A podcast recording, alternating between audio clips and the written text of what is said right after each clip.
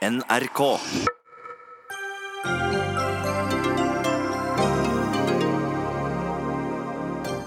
Sylvi Listhaugs monsterretorikk gjør det vanskeligere å etterforske overgrep mot barn, mener politiveteran. Det er ikke politiets oppgave å kritisere justisministerens retorikk, advarer polititopp. Senterpartiet advarer mot den solbergske parlamentarismen. Den er ingenting å frykte, beroliger Kristin Clemet. Og private barnehager skårer best i ny undersøkelse. Nå må Arbeiderpartiet og SV slutte å drive heksejakt på de private, sier Frp.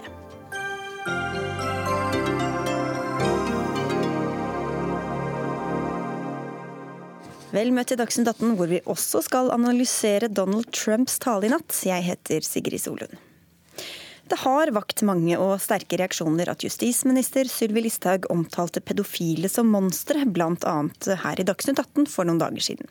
Samtidig som hun lovte en intensivert jakt på dem som begår seksuelle overgrep mot barn, fastholdt hun at det var riktig å kalle disse personene for pedofile monstre. For jeg synes Dette er den verste type forbrytelse jeg kan tenke meg. Det at du voldtar barn. Du sitter på nett og bestiller voldtekt av fattige barn i andre land. Du er med på å ødelegge barn potensielt for livet.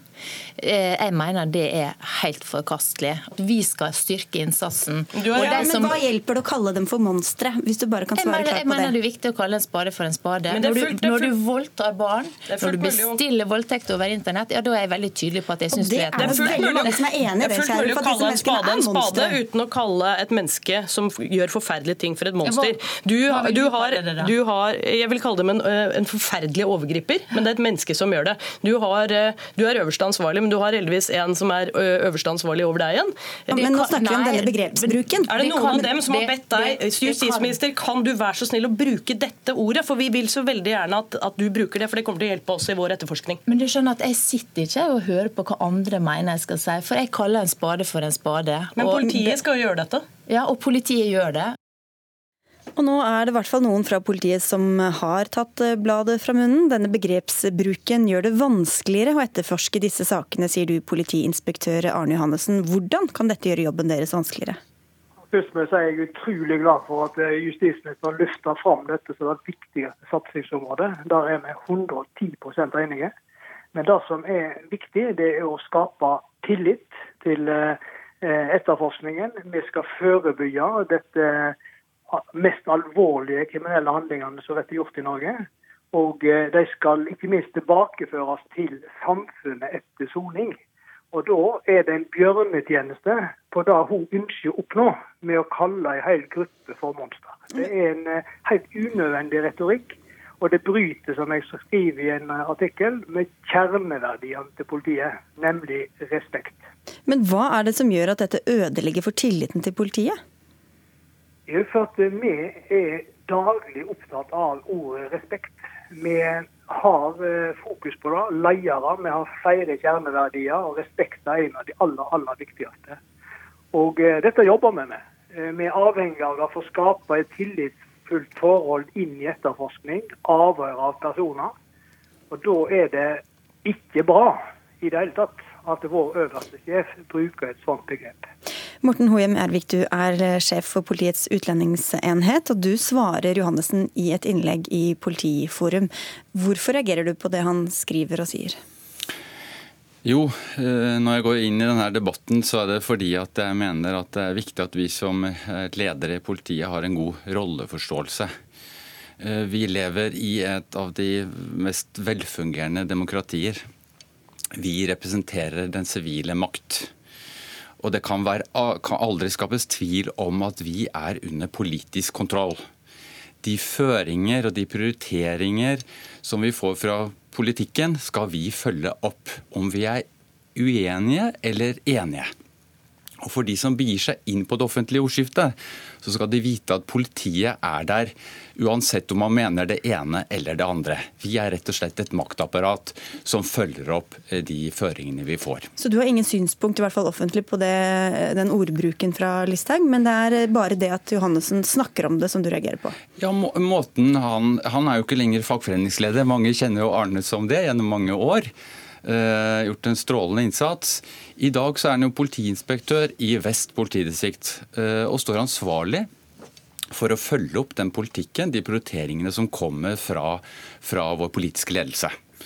Da skaper det usikkerhet om han i den rollen er med på å ha kommentarer, synspunkter på hvordan vår øverste politiske ansvarlig er ute og uttrykker seg. Og så vil jeg også si at det at man i politikken har et skarpt ordskifte, det er vi vant med i mange sammenhenger. Men om vi av den grunn skulle få sidekommentarer, eh, fra politiledere i den type debatter, så ville det for, for, for mitt, fra mitt ståsted bli, være svært uheldig. Johannessen? Ja, Dette er jo en annen debatt, og det er en interessant debatt i hvor stor grad politiet og politiledere særlig skal ytre seg i det offentlige rom. Nå er det jo ikke akkurat eh, for mange politiledere som deltar i det offentlige ordskiftet. Det har vært til og med etterlyst fra Stortinget mange ganger. Politiledere som tør og vil delta i det offentlige ordskiftet. Så syns jeg det blir blanda her inn om vi er lojale mot eh, prioriteringene, eller om vi diskuterer det retoriske. Jeg kan bare være veldig tydelig på at jeg som politileder har aller, aller mest fokus på dette saksfeltet. Mine medarbeidere leverer noe av de beste resultatene i landet på dette feltet. Men det jeg sier, det er at eh, det er uverdig at vi bruker sånne begrep. Og Det samme reaksjoner har vi fått for mange innen barnevern, innen kriminalomsorgen. Og det eh, ytrer jeg, og det står jeg for. Men det, Her er det to ting, da, eh, Ervik. Det ene er jo dette med om, om, lojaliteten. Nå er det ikke sånn at Johannessen sier at han ikke vil følge opp politikken. Han sier jo tvert imot han vil etterforske og heve, og er veldig glad for at dette eh, feltet heves. Så hvorfor i det hele tatt mistenke at han ikke vil følge opp bare fordi han kritiserer selve ordbruken? Jeg mistenker ikke Arne for det i det hele tatt. Men det kan skapes et inntrykk av at politiet sår tvil om prioriteringer som eh, politikken har, når man inngår i denne denne type uh, ordskifte. Og, og Hvorfor det når, det, når, han så tydelig, er så tydelig på at det bare handler om ordbruket? Ja, men Jeg opplever uh, justisministeren dit hen at hun med sin ordbruk også sier noe om prioriteten. Uh, og vi har gjennom tidene fått kritikk for at ikke vi har fulgt opp de prioritetene som politikken har hatt, også på dette området. slik at Når hun er så tydelig i sin begrepsbruk på dette, så, så, så opplever jeg at hun sier at hun vil da eh, at dette skal være hennes eh, fremste prioritet. Eh, og, hun understreker også alvorligheten i denne kriminaliteten. Eh, og, og, Da tenker jeg at det er ikke vår rolle å ta stilling til om hun da velger det ene eller andre ordet for å nå fram med, med sin politikk. Det må være opp til henne. Men da er det også det andre. Skal, du skal få ordet, Johansen. Skal bare følge opp det du sa i stad også. for det er jo eh, nemlig dette med at de som har skoen på, da, i, dette tilfellet politiet eller andre yrker, som, som, han også nevner, hvorfor skal ikke de si hvilke praktiske konsekvenser en, en måte å snakke om på noe kan få? Ja, det er vanskelig. Fordi at jeg mener at ved å være i politiet, så må man ha en god rolleforståelse. Og i denne rolleforståelsen så ligger det også betraktninger rundt ytrings, eh, handlingsrommet vårt. Eh, det er noe annerledes. Og særlig for politiledere så mener jeg at det er annerledes enn andre samfunnsdebattanter, f.eks. Og det er jo ikke sånn at ikke vi ikke har faglige diskusjoner i politiet, og det er ikke sånn at vi ikke har møtepunkter med politikken. Vi har jo mange arenaer hvor vi kan adressere med politikken om hvorvidt eh, det ene eller andre prioriteringen er god eller dårlig, og hva det ene kan føre med til, og hva, hva vi syns man skal prioritere osv. Dette har vi en rekke anledninger til. Vi, eh, vi inviteres jevnlig til å delta i høringer. Sjøl har jeg vært, eh, deltatt i debatten om bevæpning av politiet f.eks. Og da er det et handlingsrom, og der er vi etterlyst som samfunnsdebattanter, som Arne er innom. Da skal vi stille opp, da skal vi ytre oss, men vi må passe på at det skjer innenfor det handlingsrommet som jeg mener tilligger oss som politiledere. Her er det altså flere ting Johannessen, som vi har vært inne på. Men for å ta det ene her, da, hvorfor, kan, hvorfor er du ikke redd for at dette kan farve hvordan folk ser på deg og dine prioriteringer, og hvordan du følger opp den politikken som, som skal føres? Nei, det er jeg ikke redd for. Jeg mener jeg er godt inn på det handlingsrommet jeg har som politileder, og ikke minst som borger i dette landet. Jeg har fått uh, veldig mange tilbakemeldinger fra folk som jobber med dette saksfeltet, som reagerte veldig sterkt og reagerte på samme måten som meg.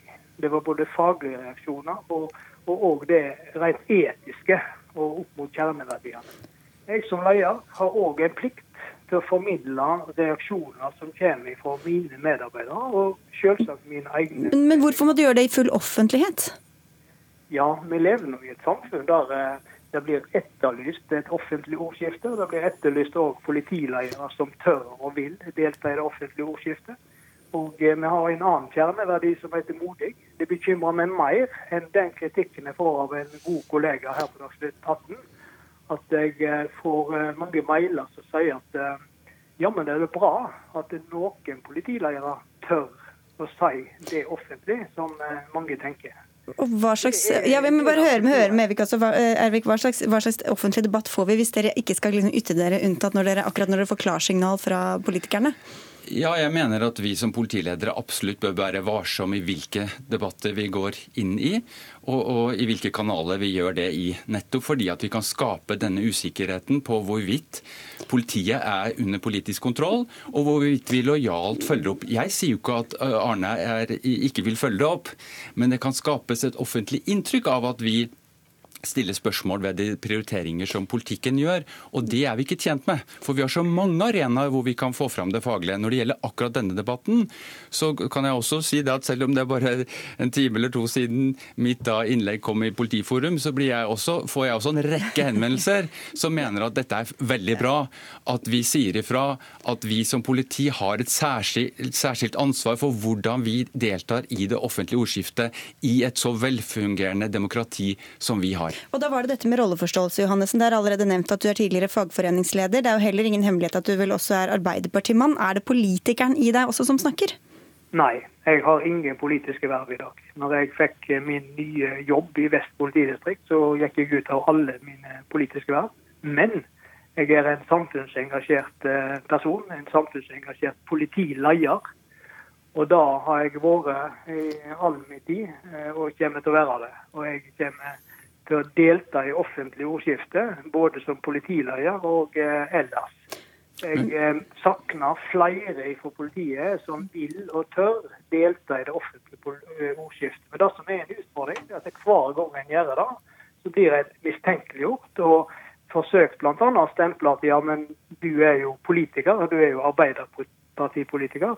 Det var jeg som gjorde det til dette tilfellet, så han får gå fri, han motdebattanten din. Men Arne, problemet er jo det at dette spørsmålet reises. Nettopp fordi man blir usikker når man tar denne, denne, tar denne, rollen i det offentlige ordskiftet. Er det nå den tidligere fagforeningslederen, er det den tidligere arbeiderpolitikeren, eller er det politilederen som tar, som tar denne rollen? Og, og, ta, og, og, det at man helt tatt får tvil om det, det, det er jo det som for meg gjør at jeg tenker at dette er uheldig. Det som er viktig, det er at vi ikke sår tvil om, og at du òg bidrar til det, at vi følger lojalt opp alle politiske prioriteringer. Det er viktig. Da, Men, men jeg, tror, jeg, jeg, tror, de aller nå fleste har fått med seg at det vi vil med dette, er jo nettopp å være tydelig på at vi følger opp. Johannessen, ti sekunder. Ja, Det er det aller viktigste. Vi følger lojalt opp politiske prioriteringer. Og så må vi ha lov å diskutere og politikers måte å uttrykke seg på. Spesielt når de bryter kjerneverdiene til den etaten de skal faktisk leie. Du, Vi må avslutte, men bare helt på tampen her. Du, du, kritiserer ham for å ta denne debatten offentlig, men du er jo også her og tar denne debatten offentlig. Da, ja, men i, ikke det materielle innholdet, men nettopp det prinsipielle. Det prinsipielle at vi må ha en god rolleforståelse, vi som er ledere i politiet. Vi skal definitivt være en del av det offentlige ordskiftet, men vi må velge eh, hvilke arenaer vi gjør det på, og når vi gjør det. Vi er veldig glad for at dere gjorde det her hos oss i hvert fall. Takk skal dere ha begge to. Morten Hoem Ervik, som er sjef for Politiets utlendingsenhet, og Arne Johannessen, som er altså politiinspektør. Eh, Takk. Dagsnytt 18 alle hverdager kl 18.00 på NRK P2 og NRK2. Det har aldri vært en bedre tid å leve ut den amerikanske drømmen på enn nå. Det var blant budskapene i den amerikanske presidenten Donald Trumps årlige tale om rikets tilstand for Senatet og Kongressen. This, in fact, is our new American moment. There has never been a better time to start living the American dream. Anders Magnus, USA-korrespondent, du er med oss eh, fra USA. Hvordan er talen mottatt i løpet av dagen der?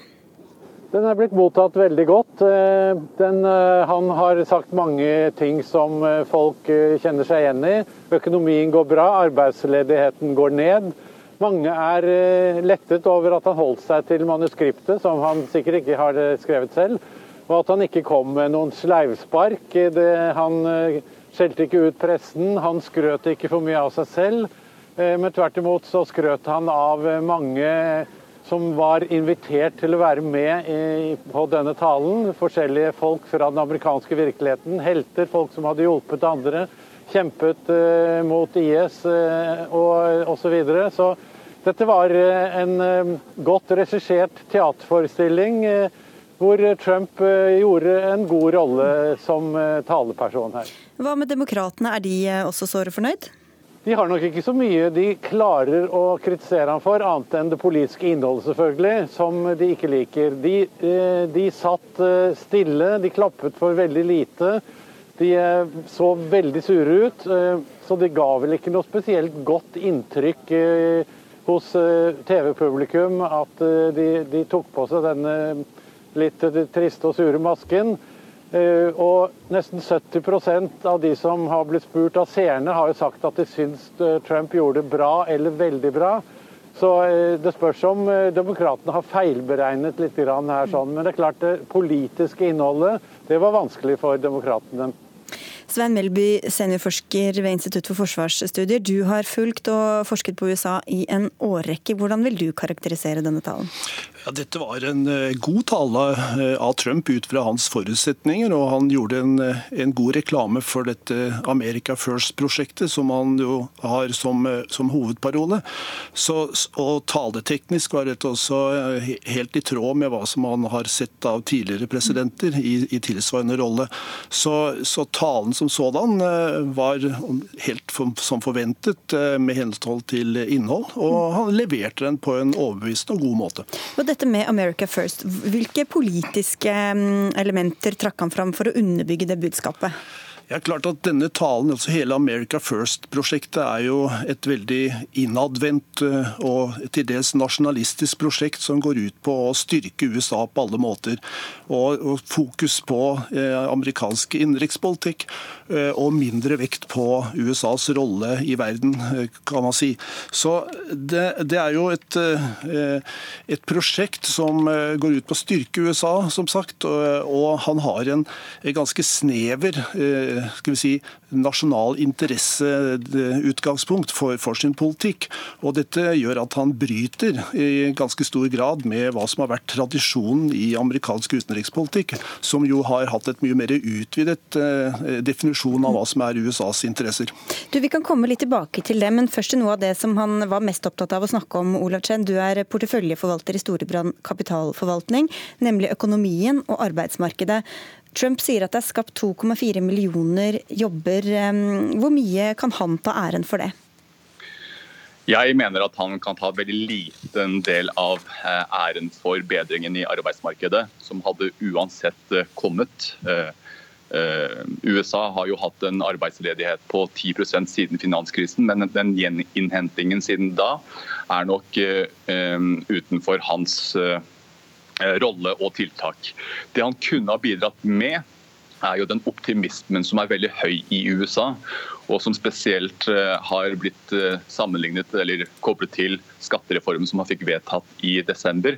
Så han har nok bidratt til å øke optimismen i USA, men de, de jobber som har blitt skapt til nå, hadde nok kommet uansett om det hadde vært Trump eller en annen president. Han peker også på aksjekursen, som har gått i været under hans, under hans periode, og det er jo også riktig? Nei, det er nok eh, heller ikke hans eh, verk. Det er nok sentralbankene, men også bedringen i økonomien som hadde kommet selv uten hans eh, verk. Viktigere er faktisk for den, selv den amerikanske økonomien oljeprisomslaget som man så slutten av 2016. Den har nok vært enda viktigere i forhold til aksjemarkedsutviklingen og de nye jobbene som har blitt skapt siden da. Melby, En av måten han, han, lovte å skape jobber på og bedre avtale på, var jo at han ville avtale mm, bilateralt, altså direkte med andre land, i stedet for å alle, være underlagt alle mulige internasjonale konvensjoner og, og, og ordninger. Eh, hvordan har det slått ut? Vi vet jo ikke sluttresultatet av det ennå. Eh, men det er riktig at eh, det som er en av de store forskjellene mellom eh, den måten Donald Trump ser på USAs rolle internasjonalt og hans forgjengere, er at mens tidligere så la man stor vekt på at USA skulle gjennomføre sin utenrikspolitikk med bruk av kollektive instrumenter og allianser, institusjoner osv., mens Donald Trump jobber jo iherdig for at han skal bringe verdensordenen mer over på enkeltstater stater, og at det skal eh, sluttes avtale mellom de ulike statene. Så dette er et eh, linjeskift. Han har jo trukket USA ut av eh, handelsregimet i Stillehavsregionen. Han har trukket USA ut av klimaavtalen. Og han har også et skeptisk syn og et kritisk syn til, til Nato-alliansen. Så, så, så, dette er men, men, hva som han har fått ut av dette hittil, er jo høyst uklart. Men Hva sier det amerikanske folket da, Anders Magnus? Er de fornøyd med, med utvikling av strategien der? Det amerikanske folket er nok eh, godt fornøyd med det som kom fram i talen, og eh, spesielt eh, det at økonomien går bedre. Det er jo vanlig at presidenter som sitter når økonomien går bedre, de skryter av det, selv om de egentlig ikke har æren for det eller ikke. Det er jo ikke bare Trump som har gjort det. Men hans rating sånn generelt er ikke noe spesielt god. Så det er nok mange som eh, ikke liker Trump. Men det, er ikke pga. det han snakket om i talen, men det er pga. det han sier når han er eh, utenfor manus, når han tvitrer og slike ting. Da eh, provoserer han veldig mange, og han har en oppslutning på, på lave 39% og det reflekteres jo eh, ikke på en måte i den begeistring som talen har vakt. Så det er mange som frykter at han nå kommer tilbake igjen til den sleivsparkerrollen etter at denne gode talen har vært holdt. Men Olav Kjent, der hvor, eh, Jeg sitter ikke på tallene med det foran meg, men det er vel også på økonomisk politikk folk er mer fornøyd med ham enn på mange andre områder. Eh, hva er det han kan vise til? Nå, nå nevnte du flere ting han ikke kan ta æren for, men hva er det han kan vise til av positive resultater, da? Det han kan vise til eh, nå, er jo skattekuttene som ble vedtatt. og Det har jo vi begynt å se starten på nå. For bedriftene i USA så har det skjedd en ganske stor eh, skatteendring og skattekutt fra 35% til 21% Så Det vil jo merkes blant eh, amerikanske selskaper. Men de har også kuttet kraftig på eh, skatt for husholdningene som det vil merkes nå etter hvert. Så Jeg sier ikke at det noe, ikke vil ha noen effekt, men de effektene fra det vi kaller Trumponomics, det vil vise seg faktisk de neste kvartalene. Og De tror jeg på at det faktisk vil bidra til økt vekst. Men eh, eh, min eh, kritikk her også er at Økonomien går egentlig kjempebra, og arbeidsledigheten er allerede på historiske lave nivåer. slik at det her må jo finansieres på et vis. og Måten man gjør det, er jo å øke statsgjelden. Og Det er faktisk sjelden i historien at man har sett at man øker budsjettunderskuddet i en periode når arbeidsledigheten er så lav. Normen er jo at man skal bruke penger når det går dårlig, og stramme til når det går bra. Men man gjør altså det motsatte nå. Og Det fører til at eh, senere presidenter må faktisk ta regningen og støyten for hans eh, verk fremover nå. Svein Melby, Det er mye som handler om ord og stil når vi snakker om Trump, men hvor mye bryter han med den etablerte politikken? Du var inne på utenrikspolitikken, men også, også ellers.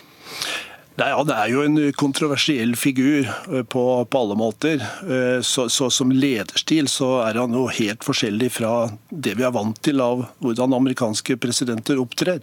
Jeg tror kanskje legge litt, litt eh, vi, vi, snakker om et USA som er uhyre splittet politisk. Og det er kanskje den, eh, den, største effekten eller konsekvensen av Trumps presidentperiode, iallfall hittil, er at denne, denne, polariseringen og splittelsen mellom de politiske partiene har blitt ekstremt eh, skal vi si, større under, under Trump enn den, den var stor allerede tidligere. Men hans stil og væremåte Og ikke minst all denne tvitringen har bidratt til å skape et politisk klima i USA som er bitrere og giftigere enn det man noen gang har sett tidligere. Men skygger da denne stilen over hva han faktisk gjør, altså hva det politiske innholdet? Ja, jeg vil si at på mange måter er Donald Trump sin egen verste fiende. Fordi man kan aldri vite hvordan Trump opptrer fra dag til dag. Vi hadde en diskusjon for et par-tre uker siden for åpen mikrofon om innvandringspolitikken i USA, hvor Trump, i likhet med hva han gjorde i natt i denne talen, inviterte til kompromisser og samarbeid. Og så kommer man to dager etterpå, så snur han totalt eh, kurs i, i dette spørsmålet. og Det gjør at eh, hans politiske motstandere, ja også hans egne partifeller, har store problemer med å kunne stole på presidenten. og skal man få gjort noe i dette Washington-systemet, så er man nødt til å ha et ganske godt tillitsforhold. Vi gir oss der i denne omgang. Takk skal du ha, Svein Melby fra Institutt for forsvarsstudier, og til deg, Olav Chen, porteføljeforvalter i Storebrand, og til Anders Magnus fra USA.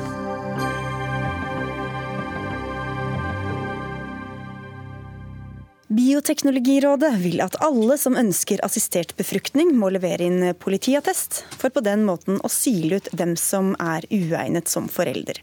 Det skjer i forbindelse med at bioteknologiloven skal evalueres i løpet av våren, og for to dager siden var det høring i helse- og omsorgskomiteen på Stortinget. Det var TV 2 som omtalte denne saken først i går. Raune Malnes, du er medlem i Bioteknologirådet og professor ved Institutt for statsvitenskap ved Universitetet i Oslo. I dag er det altså sånn at alle som får assistert befruktning, blir vurdert både medisinsk og eh, ut fra den såkalte omsorgsevne. Hvorfor er ikke det tilstrekkelig, mener dere? Vel, altså, Bioteknologirådet har mange vanskelige saker. Dette er ikke blant dem. Dette er en enkel sak. Ingenting er verre enn overgrep mot barn. La oss begynne med det. Det er vi enige om. Ingenting er verre. Absolutt ingenting. Hvis vi kan gjøre noe for å hindre overgrep mot barn, så bør vi gjøre det. Og kan vi gjøre mer enn vi har gjort, så bør vi gjøre mer enn vi har gjort.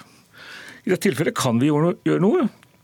Og eh, det ville være en ulykke om noen av de ganske få, det dreier seg om ganske få mennesker som ikke er egnet til å ta vare på barn, skulle få barn. At samfunnet gjør hva det kan innenfor rimelighetens rammer for å hindre dette, er det jeg vil kalle noe nær en etisk hva heter det, win-win-situasjon. Alle som er glad i barn, må være hoppende glade over at sånt skjer.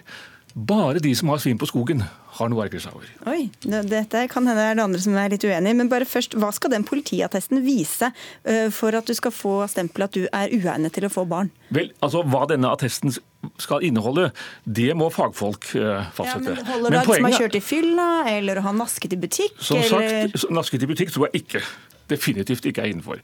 Men alt som har med overgrep mot barn å gjøre, er definitivt innenfor grensen av det som gjør at her bør det røde lyset blinke. Du eh, skal da ifølge Molnes eh, Lise Bøck Jacobsen være mm, hoppende glad. Eh, alt annet er veldig mistenkelig. Du er styreleder i Ønskebarn, som altså er en norsk forening for fertilitet og barnløshet. Likevel er dere imot dette. Hvorfor det? Ja, jeg tror jeg faktisk er imot. Jeg er ikke hoppende glad. Og det er ikke fordi at jeg er uetisk eller på annen måte ikke ønsker barns beste.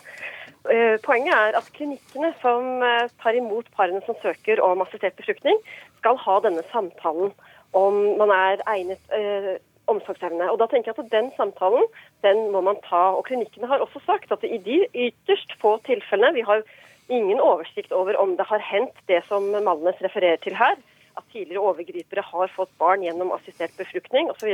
Det er det ingen som har uh, kjennskap til. Det er vel fordi vi ikke har en sånn politiattest, det? Ja, det burde vel ellers kunnet uh, Det kunne man ellers funnet ut av, tenker jeg, hvis man så hvordan barnet var kommet, uh, kommet til. Men poenget er jo at er, den samtalen skal gi den informasjonen klinikkene trenger. De har selv bedt om å bli, få en, en mulighet til å viderebringe det paret hvis, hvis de er usikre.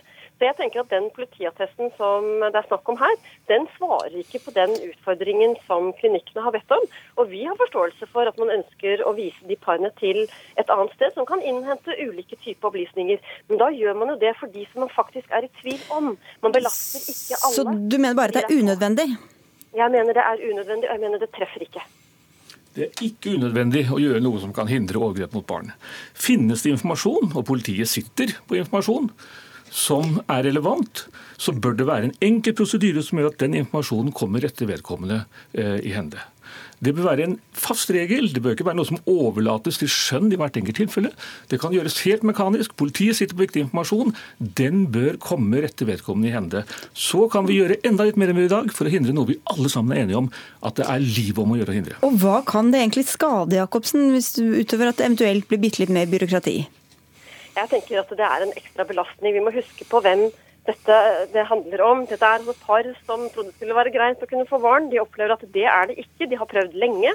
De har kanskje stått lenge i, i kø også, og kommer til en samtale og skal da måtte også legge fram et bevis på at de er egnet. Så ikke nok med at det kan føles tungt og vanskelig å være, møte ufrivillig barnløshet, så får du også en tvil på deg at du helt tatt er egnet til å skulle være foreldre.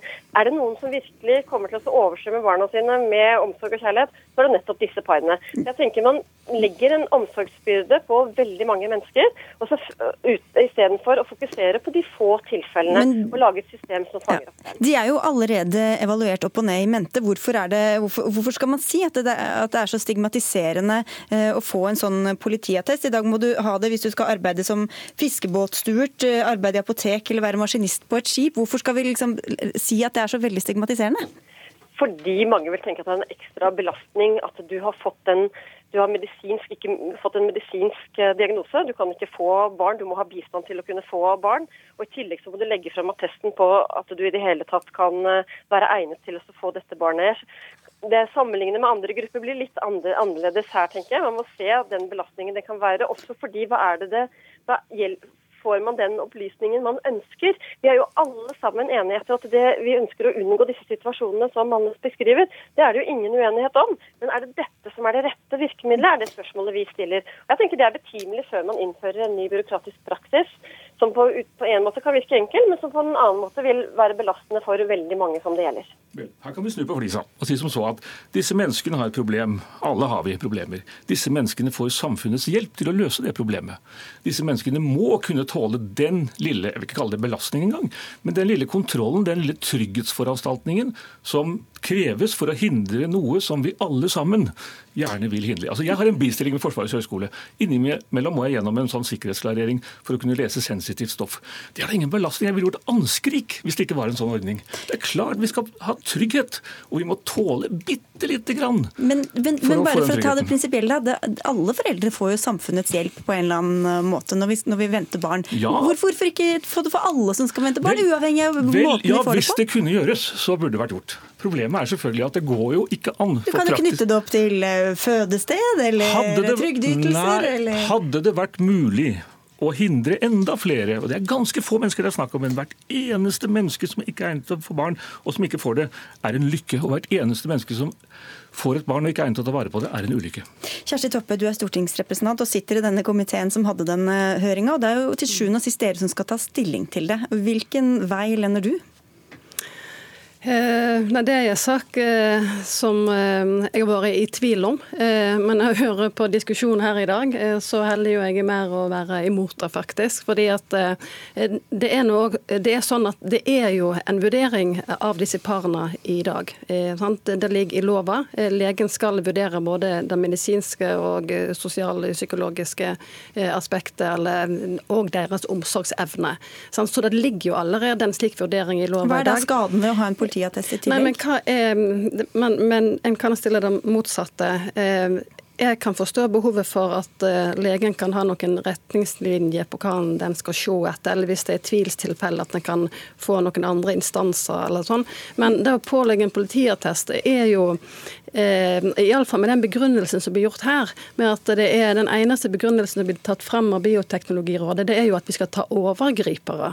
Og da tenker jeg at når det, når det som en snakker om en sånn om eh, politiattest, så er det jo òg andre forbrytelser en vil ha frem, sånn som ran, narkotikaforbrytelse, skal de heller ikke eh, få lov å, ha barn da. Og så er det noe med når blir en overgriper. Er det de som har vært det?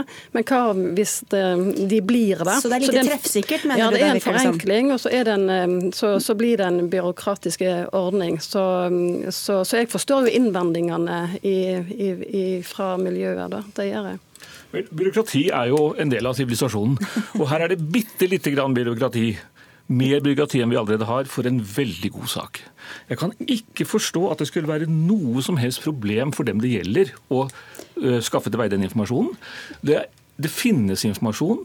Kanskje er det i mange tilfeller ikke så stor verdi i den, men hvis det noen ganger er det, så er det bra. At, at ikke den treffer alle tilfeller. Sånn er livet. Alle foranstaltninger vi gjør, alle tiltak vi treffer, er mer eller mindre treffsikre. Men hvis det treffer noen tilfeller, så er det alle tider. Det kan ikke jo, være men, men, la meg bare komme med et spørsmål. fordi altså, Toppe sier, det, og det hadde du ikke noe svar på heller, hvem det skal gjelde, eller hva Nei, som skal til. Det er en vurdering som må gjøres i neste ja, omgang. Men så da er spørsmålet mitt hvor, hvor, treffsikkert det er, og om, man, om det tvert imot kan virke mot sin hensikt. At man tror at det er den trygg, og det er den utrygg. og så er Nei, det... det altså Barnevernet vil ikke så å si legge eller Barnevernet vil jo ikke uh, la være å bry seg om barn som har fått en sånn, eller hvis foreldre har fått en sånn attest. Barnevernet finnes fortsatt.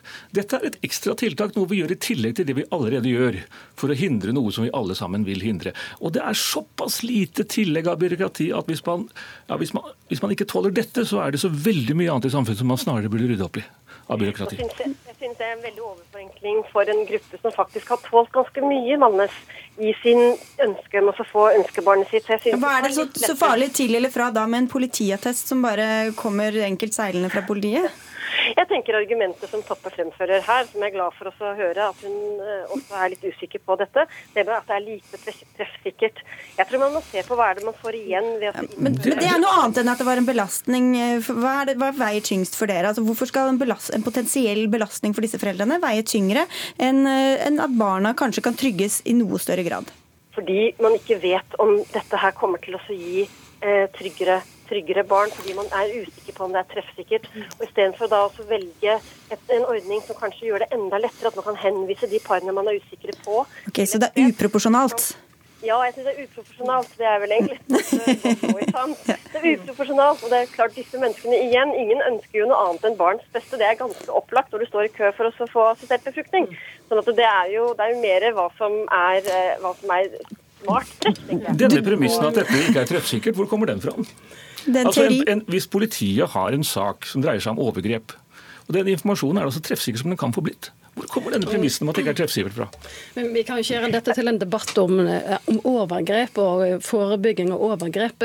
Dette handler jo om eh, å behandle en sykdom. Hvorfor kan man ikke det? Eh, nei, fordi, fordi, at det er mye mer komplekst enn som så. For dette handler jo, Assistert befruktning handler jo om at vi skal hjelpe personer som har en sykdom som heter barnløshet, infertilitet. Og Det får en hjelp for i, i helsevesenet. Og Da er det jo veldig sjeldent at vi setter krav om politi politiattest. Men her gjelder det jo selvsagt at en skal få et barn. Men så er det jo slik at eh, vi er jo mange foreldre som får barn hver eneste dag uten at en tenker jo, denne hvordan tanken. Hvordan hadde det tatt seg ut at, at, staten hjelper en dømt overgriper til å få barn på, på samfunnets bekostning?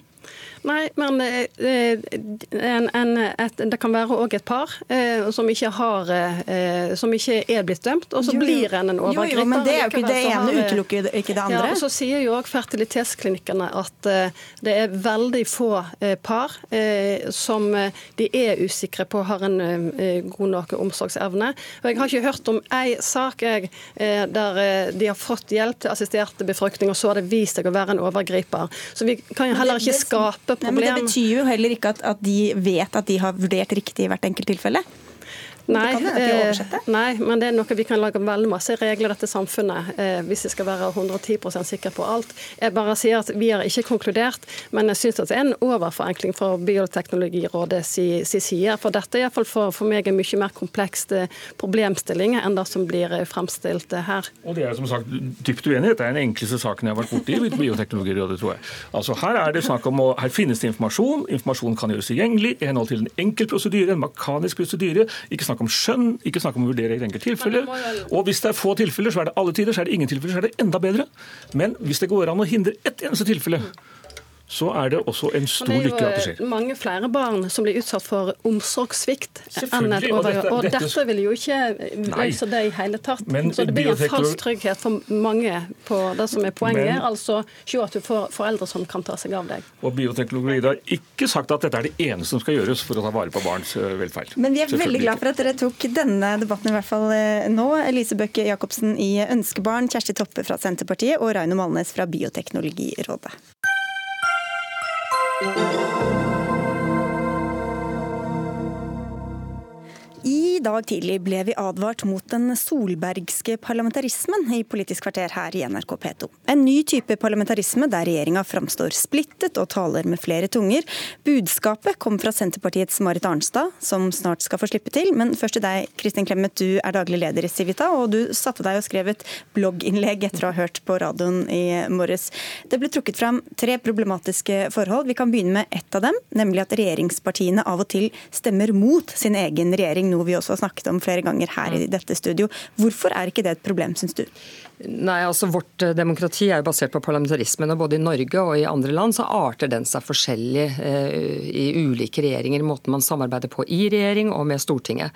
Og det er helt klart at Marit Arnstad har rett i at det er visse ting som er spesielt med Solberg-regjeringen. Men det var også noe spesielt med Stoltenberg II-regjeringen. Og det er ikke kritikkverdig i seg selv. Man kan like det eller ikke like det, men det er ikke i seg selv kritikkverdig eller farlig. Fordi det, det at et parti stemmer et regjeringsparti da, stemmer mot sin egen regjering, det er jo en måte å markere partiene på. Og Partiene de står sterkt i norsk demokrati. Og Sånn er det også under andre regjeringer, at partiene viser seg frem på ulike måter. Det skjedde også under Stoltenberg II-regjeringen, selv om det var en flertallsregjering. Men her er det jo eh, snakk om da at regjeringa blir enige om en politikk, og så mm. kommer den til Stortinget og skal vedtas, og så blir, det, gjelder det ikke lenger. Hva slags forutsigbarhet får vi da? Ja, Det kan du si, men altså, hvis det hadde skjedd veldig mye, så ville jeg også si at det var ganske problematisk. Men det skjer jo ikke veldig mye, det skjer ganske sjelden. Under den forrige regjeringen så opplevde vi protester fra regjeringspartiene mot egen regjering regjering. Vi opplevde at det var representanter i de partiene som satt i regjering, som gikk til frontalangrep på regjeringen i enkelte saker. Og vi opplevde også at det var ganske mange lekkasjer fra drøftelsene i regjering. Og det tipper jeg kom fordi man gjerne ville markere partiene. For alle partier har behov for å markere seg. Vi begynner med dette, denne stemminga, Marit Arnstad, parlamentarisk leder i Senterpartiet. Det er jo Stortinget som bestemmer til sjuende og sist. Hvorfor ikke bare følge det opp i praktisk politikk og vise det?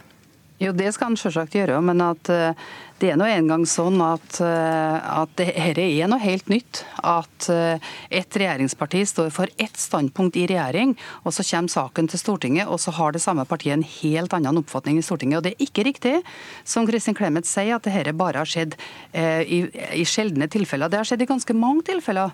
Både trygdeoppgjøret, DAB-politikken, spillpolitikken, den nye snusloven. Venstre åpna sin regjeringsdeltakelse med å gjøre det samme i innvandringspolitikken. Og nå har de også gjort det i en nylig avgitt innstilling omkring våpeneksport. Og Jeg er jo bekymra for hva det, hva det, her også kan bety framover. Fordi det her betyr eh, for det første at du, at du, eh, altså du får en sånn dobbeltkommunikasjon. Eh, som, som, som dere et regjeringsparti får lov å dobbeltkommunisere at de er både for og mot noen ting samtidig. De tar ikke ansvar for de kompromissene en regjering faktisk inngår. Og Det var jo veldig tydelig da Frp stemte imot trygdeoppgjøret, at Frp i regjering var da for trygdeoppgjøret, men Frp i Stortinget var imot det. Og så fikk partiet dobbeltkommunisert ja, på den nei, saken. Men samtidig, Du kan jo også innvende og si at da får du ansvarliggjort dem som bestemmer, og synliggjort hva de faktisk mener? Nei, Vi har en måte når det gjelder eh, uenighet mellom parti i en mindretallsregjering og det heter dissens. Og Det er en akseptert måte, og det tar du av og til. og Det skjer i alle mindretallsregjeringer. Men det velger jo ikke denne regjeringa å gjøre. De velger jo å i stedet på en måte la, uh, sørge for at partiet i regjering er enig med resten av regjeringa, mens partiet i Stortinget får lov å være frispiller. Og Det er noe helt nytt i norsk parlamentarisme. Ja, men det, altså, for det første så vil jeg si at dette er noe som skjer i full åpenhet. så Det er ikke noe betenkelig sånn sett. og Du kan kritisere det, og du kan si at du ikke liker det. Men jeg tror ikke det er sånn at når det skjer noe nytt under én regjering, så er det dømt til å fortsette, eller at det blir mer og mer av det. Det skjedde ting under den forrige regjeringen som jeg personlig syns var veldig betenkelig. Hvor man begynte å viske ut forskjellen mellom regjering og storting. Eh, og hvor det var en ekstrem bruk av det man kaller underutvalget. Og hvor embetsverket ble tatt i bruk altså partiledelsen i de forskjellige ble tatt i bruk overfor underutvalget og ble tatt i bruk også for å tjene stortingsrepresentantene eller partigruppene der. Det syns jeg var veldig betenkelig. Og jeg tenkte hvis dette fortsetter under andre regjeringer, så vil ikke det være bra, for da sklir det ut. Men det har ikke fortsatt. Men Syns du for dette er betenkelig, bare at du ikke tenker at det nødvendigvis fortsetter? Nei, altså jeg syns ikke det. Jeg syns det har skjedd i full åpenhet, og det har ikke skjedd eh, så mye, selv om du, Marit Arnstad ramser opp noen saker, og regjeringen er stabil, så jeg syns ikke dette er noe sånn veldig stort problem. Men det er klart at det skulle det være et mønster som går igjen i alle saker, eller at det skulle uh, være slik at enhver regjering som kommer etter hverandre, så blir det mer og mer av noe, så kunne man jo diskutere det. Men det, dette er et normativt spørsmål. Poenget er bare at det er ulike partiene har innflytelse. Så kan man si at kollegiet har innflytelse, altså regjeringen har innflytelse. Og, og, den står som regel sterkere når det er flertallsregjering enn når det er mindretallsregjering. Og så kan man si at det er et også et ganske sek sektorstyre i Norge. Dvs. Si at sektorene, helt uavhengig av partiene og kollegiet, har ganske stor innflytelse.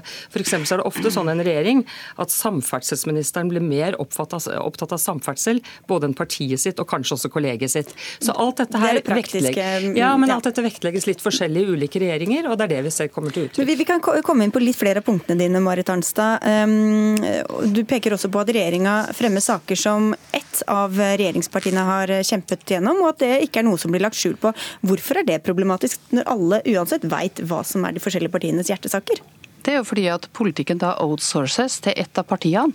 Eh, og så er det den, det partiet som anser saken som en seier for seg sjøl, men det er ingen som tar et ansvar for helheten. Det er ingen som står rakrygga og forsvarer det kompromisset. Statsministeren kan faktisk stå på Dagsrevyen, og i stedet for å forsvare at du skal legge ned norsk pelsdyrnæring, så kan hun si det at nei, det var jo Venstres seier, så det må jo dem få. Eh, men altså, alle vet jo det uansett? Jo, men altså, Det at alle vet en ting uansett, er faktisk ikke et argument for at det er riktig riktig å gjøre det. Og jeg syns at det er en betenkelig mangel på helhetlig ansvar. I tillegg så er det jo også sånn at du da får beslutninger som ofte er gjennomført i hui og hast, og som er dårlig utreda. Ingen har oversikt over konsekvensene, over kostnadene, og det får store konsekvenser ofte for veldig mange mennesker. Ja, altså dette her vil jeg si at Det var masse av oss under den rød-grønne regjeringen hvor det kom ut på en eller annen måte hvem som hadde vunnet og tapt sak hvem som hadde vunnet og tapt saker. Det var, jeg tenkte den gangen at vi er i ferd med å få israelske tilstander. For i Israel så får man være med på regjeringsmøtene. Og sånn føltes det mange ganger under rød-grønn regjeringen. Og hvis man leser bøkene som enkelte medlemmer av den regjeringen har skrevet, så ser man jo at det var basketak der også. Så det var ille da, og det er ille nå? Poenget er at eh, i forhandlinger i koalisjonsregjeringer, og særlig mindretallsregjeringer som også må forhandle i Stortinget, så er det jo klart at partier får gjennomslag. Og det er jo som du sier, det er jo ikke noe stor hemmelighet. Men det er ikke bare det at man, man prøvde heller ikke så mye å holde det hemmelig den rød-grønne regjeringen. Vi visste hvilke partier som fikk gjennomslag. Når det gjelder dårlige utredninger, så vil jeg si at jeg syns Stortinget skal kikke litt på seg selv. For nå fattes det jo vedtak i Stortinget ved at man bruker flertallet der eh, og fatter vedtak med ganske store konsekvenser som ikke er utredet. Så da kan man jo gå i seg selv, egentlig. Marit Arnstad. Ja, altså det at en da den gangen også visste at det var ulike meninger mellom partiene, det er jo for så, for så vidt én eh, sak. Men de partiene måtte jo da stå ved de kompromissene de faktisk inngikk, og forsvare kom kompromissene rakrygga. Og det er det jeg syns mangler når ingen tar en helhetlig ansvarsfølelse. Men hele regjeringa må jo stille seg bak det. Jo, men det er jo det som er problemet når statsministeren står på Dagsrevyen og i stedet for å forsvare at jeg skal legge ned en næring med 400 årsverk, så sier jeg at nei, det er jo Venstres seier. Altså må jeg få lov å si én ting. Du, din altså, tidligere partileder var også på gjennomslag i regjeringen. Få lov å svare på én ting. Fordi Clemet sier her, Vi snakker om ting som er eh, godt eller dårlig utreda. Clemet liker kanskje ikke den flertallsregjeringa som var, men den fikk utreda beslutningene skikkelig. Det var dragkamper innad i regjeringa, det var det. Og det kunne være ulike meninger, men beslutningene ble ordentlig utreda. Og det er litt av problemet med mindretallsregjeringa, som inngår kompromiss med Venstre og KrF på bakrommet i budsjettforhandlingene. Mindretallsregjeringer har fordeler og ulemper. Altså, Ulempen er at man ikke kan bare styre i vei og, og liksom uten å slippe til Stortinget, men, men, fordelen er at flere slipper til da, enn man gjorde i de åtte rød-grønne årene. Og jeg må si at I forhold til å være på, på TV og beklage seg over at man eh, ikke har ment det regjeringen har kommet frem til. Altså, jeg tror alle husker den tidligere partilederen i Senterpartiet, Navarsete, som også var på fjernsyn og, nærmest gråt sine bitre tårer over at hun ikke hadde fått gjennomslag i regjeringen. Du tenker på sykehuset, ja. Men, men, men, er du enig i at det kan bli mindre helhetlig tenkning når, når det blir veldig sånn hestehandel og alle partiene altså, skal få sitt? Eh, eh, man, jeg trodde faktisk da vi fikk en flertallsregjering, Stoltenberg II-regjeringen, så var jeg selv eh, ganske optimistisk med hensyn til at det skulle fattes en del beslutninger som jeg tenkte var upopulære, men nødvendige, som alle i gåseøynene mente var nødvendige. Og det skjedde faktisk i veldig liten utstrekning. Det ble jeg litt overrasket over. Men Du snakker så mye om forrige regjeringa, men nå spurte jeg om denne. Eh, det, at det, blir mindre helhet. altså det er klart det er risiko for det når du har mindretallsregjeringer. Det er helt opplagt. fordi at da må du forhandle, Særlig hvis du er en mindretallskoalisjonsregjering, så må du først forhandle der. Og så må du forhandle i Stortinget. Og når det kan dannes andre flertall i Stortinget, så er det klart at uforutsigbarheten er større. Jeg har selv sittet i en mindretallsregjering, og det er klart at eh, det kan være krevende. Men landet har vært styrt av mindretallsregjeringer så mye at det viser seg at det går, det òg. Vi kom ikke inn på det siste punktet ditt, eh, Marit Arnstad, nemlig ordbruken. Og at noen Nei, ikke vil ordlegge seg sånn. Men, men, det har vi snakket om veldig mange ganger her i dette studio. Det er et svært viktig punkt. Dere ser at Kristin Clemet også tidligere i alle fall har sagt at jeg er enig med meg. ja, vel, altså, jeg er enig med at det er, det er igjen et normativt spørsmål som jeg startet denne diskusjonen med. Like and dislike. Men det er da masse eksempler også fra andre regjeringer hvor representanter for regjeringspartiene har brukt ekstremt sterke ord og uttrykk om sine egne. Vi eh, ikke dessverre sine egne statsråders uttrykk og retorikk okay. når den er så splittende. Takk skal du ha for at du var med fra Stortinget, og takk til deg, Kristin Clemet i Civita. Hør Dagsnytt 18 når du vil. Radio NRK Radio.nrk.no. Private barnehager er bedre enn kommunale. Det viser i hvert fall tidenes største foreldreundersøkelse utført av Utdanningsdirektoratet, der 106 000 foreldre deltok. Undersøkelsen viser bl.a. at de private har bedre utearealer, oppmuntrer barnas nysgjerrighet og forbereder barna bedre til skolen enn de kommunale. Og nå må venstresida slutte med denne heksejakten mot private barnehager, sier du Åshild Brun Gundersen fra Fremskrittspartiet. Hvorfor det, eller hva mener du med det? Ja, Fremskrittspartiet er jo glad for at vi kan sitte her i dag og si at vi har full barnehagedekning i Norge. Det er noe vi har fått gjennomslag i Stortinget sammen med Arbeiderpartiet og SV, og vi er glad for det. Og i den tida var det helt avgjørende at vi fikk de private med. Nå utgjør de private 50% av barnehagesektoren, men vi opplever jo de siste årene at Arbeiderpartiet og SV driver med en svartmaling av de private barnehagene, og det må de faktisk slutte med. For foreldreundersøkelsen viser i dag at foreldrene er mer fornøyd med de private barnehagene enn de kommunale. Mona Lill Fagerås, du er stortingsrepresentant eh, fra SV og sitter i den samme komiteen, eh, utdannings- og forskningskomiteen. Kan dere nå innrømme det, at de private barnehagene er bedre enn de kommunale? Først så har jeg lyst til å si at denne undersøkelsen viser at eh, norske foreldre er veldig godt fornøyd med norske barnehager, mm. og det syns jeg er kjempebra. Og så viser også den undersøkelsen at variasjonene er faktisk ganske små. Eh, Eh, og det der vi får variasjoner, det er bl.a. på uteområder ja, og på ingen, inventar. Ingen, ingen innrømmelse her om at jo, private altså det er noen variasjoner, men det er jo faktisk sånn at de fleste private barnehagene er ganske mye nyere enn de kommunale ja, barnehager. Så da er det jo naturlig at de har bedre inventar og uteområder. Ja, for det er dette med sammenhenger eller årsaks- og virkningsforhold, Gunnarsen. Gundersen. Det er jo mange av disse barnehagene som er nyere. I motsetning til en del kommunale gamle barnehager, så er de også bygget for å ha barn eh, i huset hver eneste dag. Så hvordan vet du at det skyldes at det er private, og ikke det at det bare er tilfeldigvis de som er litt nyere bygg? Altså Jeg bare erkjenner at foreldre i de private barnehagene er godt fornøyd med tilbudet sitt, og det er kvaliteten som er viktig for oss i Fremskrittspartiet. Og jeg vil utfordre SV og Arbeiderpartiet på å svare på det, om det er kvalitet eller ideologi som er viktig når det kommer til barnehagesektoren. For vi opplever altså fra kommune til kommune at Arbeiderpartiet og SV gjør alt det de kan for å slå beina under de private barnehagene. Så du blåser om de er private eller ikke, så lenge alle er fornøyde? Kvalitet er det viktigste for oss. Foreldrene har selv valgfrihet, og det er en valgfrihet vi kommer til å fortsette å kjempe for, ja. Du, da skal vi høre med deg, Danine Sandberg, du er stortingsrepresentant for Arbeiderpartiet. Hvordan forklarer du at de kommunale kommer dårligere ut enn de private? Ja, artig at du sa det med kommune, for jeg har jo en fortid som ordfører. Eh, og eh, det vi, det vi, må være klar over, er at vi sammenligner jo ikke helt det samme. Eh, fordi at private barnehager har ikke helt de samme kravene til seg som de offentlige. Og de har en helt annen mulighet til å sjøl velge hvilke barn som kommer inn. Og jeg kjenner meg jo ikke igjen i det å svartmale. I min kommune så hadde vi mange private barnehager. Jeg gikk til valg på at man skulle likebehandle dem. Eh, Sørga for at de fikk et veldig høyt tilskudd, men oppdaga jo etter hvert at eh, vi, det var et misforhold mellom det vi bevilga og det vi fikk ut av velferdstilbud. Så f.eks. kan det være sånn at private barnehager kan si nei til å ta imot barn med, som har ekstra behov? Ja, det er det ene. Men det vi konkret erfarte, var jo at en barnehage hadde stengt eh, mange uker om sommeren, så de hadde seks uker kortere åpningstid. Og det forsøkte vi også å få endra på gjennom å redusere tilskuddet tilskuddet fordi det ikke var samme tilbudet de leverte, og da tapte vi flere rettssaker om det. Så da sammenligner vi epler og pærer her, da, Gundersen? Altså jeg opplever at dette her er en fullstendig avsporing. Jeg vil gjerne at Arbeiderpartiet svarer på mitt opprinnelige spørsmål om det er kvalitet eller ideologi som er viktig. For Hvis det er kvalitet, så må man også være tydelig på at man ønsker de private barnehagene. I Norge det, det sa hun akkurat at de ville ha. De kutter altså 300 millioner kroner i tilskudd til de private barnehagene, og det er klart det vil ramme de private. De driver en heksejakt både i Oslo, i Trondheim, i Bodø, for de vil ikke ha private. De nekter private barnehager å etablere seg. De bruker retorikk som definitivt snakker ned en helt stor sektor. Er det det jeg ønsker at Arbeiderpartiet ja, Vi må ta de der millionene først, for det gjør dere. Dere kutter masse penger i det alternative statsbudsjettet deres gir, til de private. Ja, vi gir egentlig mer til barnehager enn det Høyre og Frp gjør, men jeg vil ikke være med på det med heksejakt. Tvert imot. Nei, men til de pengene, det kan du innrømme. Eh, vi har redusert på eh, tilskuddet ja, fordi, ja, fordi, at vi ikke får det samme tilbudet igjen. Men vi ønsker også å etablere en ordning med like vilkår for private og offentlige barnehager. Og så er det heksejakta fra SV.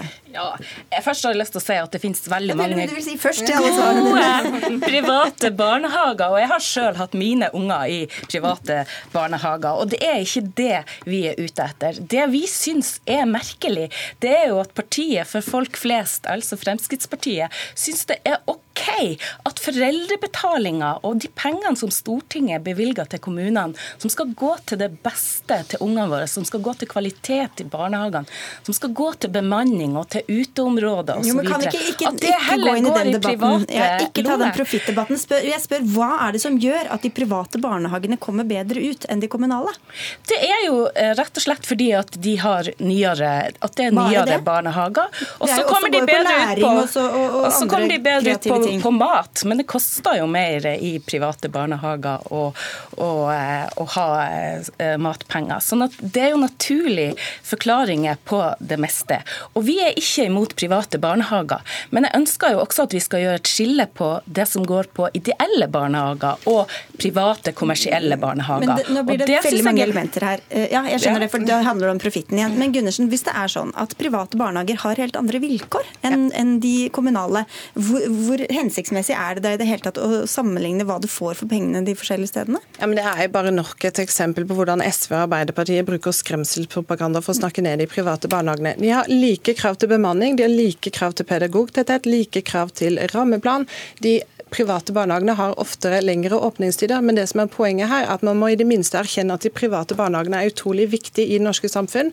Med Arbeiderpartiet, som kutter 300 millioner kroner i tilskudd, så vil altså flere barnehager gå med underskudd. Vi har i dag 800 barnehager i Norge som går med underskudd, og jeg frykter at vi faktisk ikke vil ha full barnehagedekning i fremtida hvis Arbeiderpartiet får gjennomslag for sin politikk. Valg av barnehage er jo sjelden et ideologisk valg for foreldrene. Og eh, En ting som skiller offentlige og private barnehager, er jo at vi ser at de har, private barnehagene har en del eh, høyere bemanningsnorm. Og Der har jo Arbeiderpartiet faktisk lagt inn mer midler til eh, barnehagepedagoger enn det regjeringa har gjort i sitt statsbudsjett. Så det tror jeg vi må bare jobbe videre med. Så det er ingen som har noen forklaring på hvorfor dette er ulikt i det hele tatt, da? Men kan noen i hvert fall svare på eh, om SV og Arbeiderpartiet nå er for de private barnehagene? Nå ja, men tror de har sagt at de er for, og de har jo vært med i, i, i, Dere står bak det samme forliket for eh, flere år siden. SV og Frp som innførte hele barnehageløftet. Så det må du jo erkjenne at SV har vært med på å bygge ut private barnehager. At retorikken mot de private kan, kan, være litt vel eh, tøff, for å si det sånn fra ja, SV? Ja, men det er jo den der profitten. At noen putter milliardoverskudd i egne lommer. Det er jo det vi vil forhindre. Og det er jo derfor vi eh, på Stortinget den 13. februar skal diskutere det med profitt i barnehager. Vi har fått innført det på skole. Det er stort flertall på Stortinget om at det ikke ikke skal være mulig å ta ut profitt på private skoler. Dette burde vi også hatt i barnehagen. Og Får de da med seg dere fra Arbeiderpartiet? Det jobber vi med. Men jeg tror det, det, jobber med, er ikke helt bestemt dere? det er ikke det denne debatten handler om. Ja, men jeg spør deg. vi, vi samarbeider godt med SV. Men jeg tar ikke den debatten nå. Dere, dere vil ikke si om dere er imot eller for profitt i barnehagene? Uh, jo, det vil jeg. Men, men det jeg vil si til deg Nei, det jeg vil si til deg Du spurte er det ingen som kan forklare hvorfor det er for, hvorfor, hvorfor man er ja. Forskjellen her er at man sammenligner ikke helt de samme tingene. Nei, det var det vi var inne på i stad. Men si det, da. Du, det er jo ikke noe hemmelighet hvis du allerede har bestemt deg. Den debatten tar vi ikke her. Hvorfor ikke? Nei. Men jeg syns det er overraskende. Altså, SV de skryter av de private barnehagene, det er jeg veldig glad for, men samtidig vil de også kutte støtten til de private barnehagene. Vi, eh, vi var enige den gangen vi hadde et barnehageforlik om å sikre full barnehagedekning, og da var de private aktørene viktige. Nå ønsker de å slå beina under det, og Arbeiderpartiet vil ikke engang svare på om det er lov å tjene penger i barnehagesektoren i Jeg, jeg, jeg, kommer til å ligge våken i natt og lure på hva Arbeiderpartiet mener om profitt i barnehager, men, eh, men vi må avslutte for i dag, fordi tiden vår er ute. Takk skal dere ha, Åshild Brun Gundersen fra Fremskrittspartiet, til Mona Lill Fagerås fra SV, Nina Sandberg fra Arbeiderpartiet, og det var det vi rakk i dagens Dagsnytt 18, som altså er over for i dag. Det var Dag Dørum som hadde ansvaret for sendinga. Hans Ole Hummelvold var tekniker. Jeg heter Sigrid Solund, og vi ønsker alle en fin kveld videre.